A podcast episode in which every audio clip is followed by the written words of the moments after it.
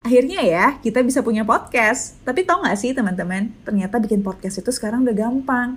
Kalian tinggal download Anchor di App Store dan Play Store kalian. Kalian bisa mulai record podcast episode pertama kalian langsung di aplikasi tersebut. Bahkan kalian juga bisa edit podcast kalian langsung. Melalui Anchor, podcast kamu akan didistribusikan ke podcast streaming platform seperti Spotify, Apple Podcast, dan lain-lain. Dan yang pasti gratis. Yuk download aplikasi Anchor di apps dan Play Store kalian atau kunjungi www.anchor.fm. Selamat bikin podcast. Hey, welcome back. Semoga belum bosan ya cerita-cerita sama aku.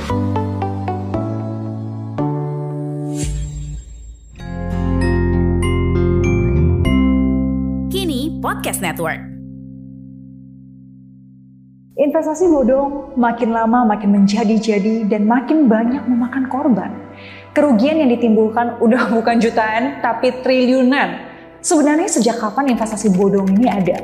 Gimana ciri-ciri bisnis modelnya dan kenapa banyak yang bisa tertipu? Ini dia evolusi investasi bodong dari tahun ke tahun. Hai, kabar kurang baik kali ini. Karena belakangan ini banyak banget terungkap kasus investasi bodong. Mulai dari binary option sampai yang terbaru robot trading. Kalau kita lihat sebenarnya investasi bodong ini punya pola yang sama. Janji ngasih untung cepat tanpa resiko dan harus merekrut orang baru atau sering kita sebut dengan skema Ponzi. Jadi makin banyak orang yang ikut ngasih uangnya, skema Ponzi akan semakin kuat bertahan. Semuanya bermula di tahun 1920 karena ulah Charles Ponzi, pebisnis yang berhasil menipu sekitar 214 miliar dalam waktu 8 bulan aja. Lewat perusahaannya, The Securities Exchange Company yang ngeklaim bakal ngasih return 50% dalam waktu 45 hari dan 100% dalam waktu 90 hari lewat jual beli kupon perangko yang dulu termasuk sangat langka di US. Nah, tapi uang yang disetor oleh investor itu bukannya dipakai buat beli dan jual kupon perangko, malah untuk ngebayar return investor yang lain. Sampai akhirnya dia ditangkap dengan 86 dakwaan. Nah, Charles Ponzi adalah yang pertama, tapi beliau bukan yang terbesar. Karena di tahun 2008, chairman atau ketua dari Nasdaq dan founder Bernard L. Madoff Investment Securities, Bernie Madoff namanya. Nah, karena jabatan dia yang sangat tinggi ya dan lumayan kredibel di mata orang-orang keuangan, banyak orang kaya yang percaya untuk menaruh uangnya di perusahaan sekuritasnya dia. Diperkirakan selama puluhan tahun beroperasi, kerugian 37 ribu klien yang tersebar di 120 negara melebihi 942 triliun. Ini adalah penipuan skema Ponzi terbesar di dunia karena hampir 1000 triliun ya. Dan ternyata di Indonesia skema Ponzi ini juga banyak sekali terjadi. Pertama, di tahun 1998 ada PT Kurnia Subur Alam Raya atau disingkat SA. Nah, perusahaan ini bergerak di bidang agribisnis, jadi dia didukung track record yang lumayan bagus ya karena berhasil ekspor ke berbagai negara dan juga melibatkan sejumlah pejabat besar di saat itu. Ada Wakil Presiden Hamzah Has, Ketua DPR Tosari Wijaya, sampai Ketua MPR saat itu Amin Rais. Awalnya mereka menjanjikan return lebih dari 60% dalam setahun. Dengan uang investor itu diinvestasikan ke bidang agrikultur seperti pertanian sayur mayur, perikanan, uh, transportasi, dan lain sebagainya. Tapi mulai April 2002, mereka udah nggak mampu bayar lagi dan puncaknya si pemilik kabur dengan uang 467 miliar. Barulah di tahun 2010 ke atas berhasil diusut kasus ini. Kedua, di tahun 2010 ada bisnis tambang emas namanya Virgin Gold Mining Corporation, VGMC. Nah, dia itu menawarkan convertible private stocks. Intinya ini saham tapi agak spesial ya. Dan banyak investor tertarik untuk beli karena saat itu harga emas sedang naik-naiknya. Waktu itu terkumpul sampai 40 ribu member ya di seluruh dunia termasuk di Indonesia. Tahun pertama mereka bisa kasih keuntungan, tapi mulai tahun 2013 pembayarannya mulai macet dan total kerugian dari investasi bodong ini mencapai 13 triliun. Ketiga, di tahun 2011 ada namanya PT Golden Traders Indonesia Syariah atau disingkat GETIS. Lucu juga ya singkatannya. Nah, dia tuh sempet ya mendapat sertifikat halal bahkan dari MUI. Gila ini niat banget sih ya nipunya. Nah, awalnya itu mereka menawarkan investasi emas fisik. Nah, kemudian berkembang menjadi emas non fisik alias uh, cuma invoice penjualannya aja dengan return lebih besar. Bisa sampai 4,5% per bulan untuk program 6 bulan atau bisa juga 5,4% per bulan untuk program 12 bulan.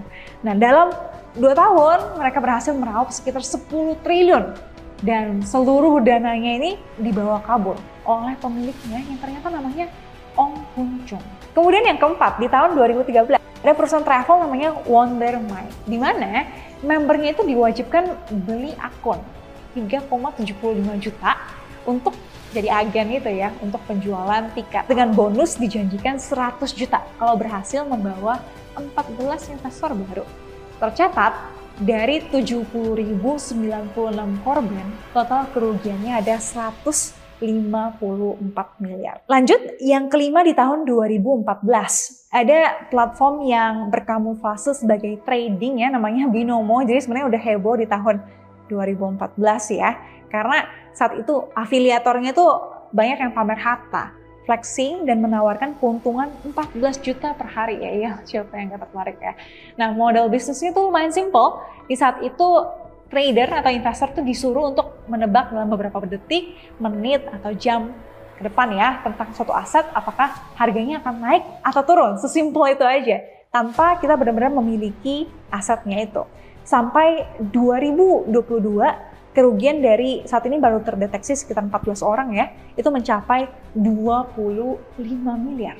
Akhirnya ya, kita bisa punya podcast. Tapi tau gak sih teman-teman, ternyata bikin podcast itu sekarang udah gampang. Kalian tinggal download Anchor di App Store dan Play Store kalian. Kalian bisa mulai record podcast episode pertama kalian langsung di aplikasi tersebut. Bahkan kalian juga bisa edit podcast kalian langsung. Melalui Anchor, podcast kamu akan didistribusikan ke podcast streaming platform seperti Spotify, Apple Podcast, dan lain-lain. Dan yang pasti gratis. Yuk download aplikasi Anchor di apps dan Play Store kalian atau kunjungi www.anchor.fm. Selamat bikin podcast! Kemudian yang keenam, di tahun 2015 ada juga yang terkenal namanya Koperasi Pandawa Group. Mereka janji untuk kasih return 10% per bulan ya. Dan waktu itu berhasil ngumpulin banyak banget orang hampir sejuta ya, ini banyak banget. Ada 569 ribu anggota koperasi si Pandawa Group ini dan tercatat ada 2 triliun rupiah yang berhasil dihimpun dan diambil oleh pemiliknya untuk kepentingan pribadi. Nah, kemudian yang ketujuh di tahun yang sama 2012 dan dari koperasi juga ya, namanya tuh Cipaganti. Dia iming-imingi kasih return 1,4 sampai 1,6 persen per bulan, tapi uangnya itu bukan digunakan untuk anggota dan operasional koperasi, tapi uangnya malah diputar untuk bisnis yang lumayan beresiko tinggi saat itu pertambangan. Padahal harga batu bara tuh lagi tinggi-tingginya dan saat itu langsung anjlok. Sehingga total kerugian dari Koperasi Cipaganti ini mencapai 3,3 triliun. Kemudian yang kedelapan di tahun 2017 ada lagi uh, Biro Perjalanan Umroh dan Haji namanya itu First Travel dia ngasih promo umroh cuma 14,3 juta ya dibandingkan yang standar yang ditetapkan oleh Kementerian Agama itu 21 sampai 22 juta. Tapi pada akhirnya ada sekitar 63 ribu jemaah yang gagal berangkat umroh dan kerugian dari first travel ini mencapai 905 miliar. Kemudian yang ke-9 ada lagi aplikasi robot trading ya ini namanya viral blast banyak banget yang di sekitaran trading juga investor tuh dijanjikan keuntungan tetap. Pasti nih dapat 3% per hari. Plus bonus 10% kalau beli ibu dan ngerekrut member baru. Nah total kerugiannya sampai 1,2 triliun dari sekitar 20 ribuan member. Kemudian yang ke-10 ya yang baru banget viral dari robot trading lagi ada namanya Fahrenheit. Parahnya lagi karena ini kan sistemnya robot trading ya. Jadi robot sistem program komputer yang mentradingkan uang kita. Nah investor tuh jadi nggak bisa withdraw, nggak bisa tarik uangnya dan uangnya itu bahkan di tradingin terus-terusan ya sama si robot ini sampai rugi dan habis uangnya. Nah konsep ini namanya adalah margin call. Ini emang trik dari ya yang punya investasi bodong ya untuk ngambil semua uang kamu. Nah jumlah kerugian dari Fahrenheit ini mencapai 5 triliun dan ini semua dibawa kabur oleh CEO-nya dari Februari lalu. Nah ini adalah 10 dari sekian banyak kasus investasi bodong dengan berbagai skema yang sebenarnya agak mirip ya, tapi terus berevolusi sesuai dengan perkembangan zaman. Dan aku yakin penipuan ini bakal terus ada dengan cara-cara yang baru. Bahkan menurut Satgas Waspada Investasi, akumulasi kerugian investasi ilegal dari tahun 2011 sampai 2021 selama 10 tahun itu sudah mencapai 117,4 triliun uang masyarakat yang akhirnya hilang, raib, lenyap gitu aja ke orang-orang yang tidak bertanggung jawab. Nah kalau aku bisa simpulkan ya, investasi bodong itu ada beberapa kesamaannya. Pertama, mereka tuh menjanjikan kayak udah pasti gitu ya, returnnya gede, cepat dan konsisten, gampang gitu. Itu itu udah red flag banget tuh. Pokoknya kalau udah bilang returnnya pasti, mohon maaf, mulai langsung berwaspada tuh ya. Dan kedua, operational bisnisnya tuh nggak jelas, eh, nggak uh, ada yang regulate, kantornya nggak jelas dan lain sebagainya. Ketiga, biasanya mereka pakai public figure, orang-orang terkenal yang nggak nyambung, maksudnya kayak terkenal tapi mungkin backgroundnya bukan keuangan, nggak ngerti, pokoknya terkenal dan gede aja deh audiensnya. Nah itu untuk menarik investor-investor baru. Kemudian keempat, alur investasinya tuh kadang agak dirahasiakan dan kompleks, nggak nggak transparan lah gitu. Biasa ada leader-leadernya apa ya investasi ada leader-leader gitu kayak aneh juga ya. Dan yang paling sering adalah pencairan dana itu susah. Kadang ada waktu-waktunya. Padahal kan kalau investasi yang beneran, ya kapan aja kita mau cairin ya bisa aja gitu loh. Dan yang terakhir, semuanya ini sounds too good to be true. Terlalu gampang, bisa kayak cepet, kayak instan.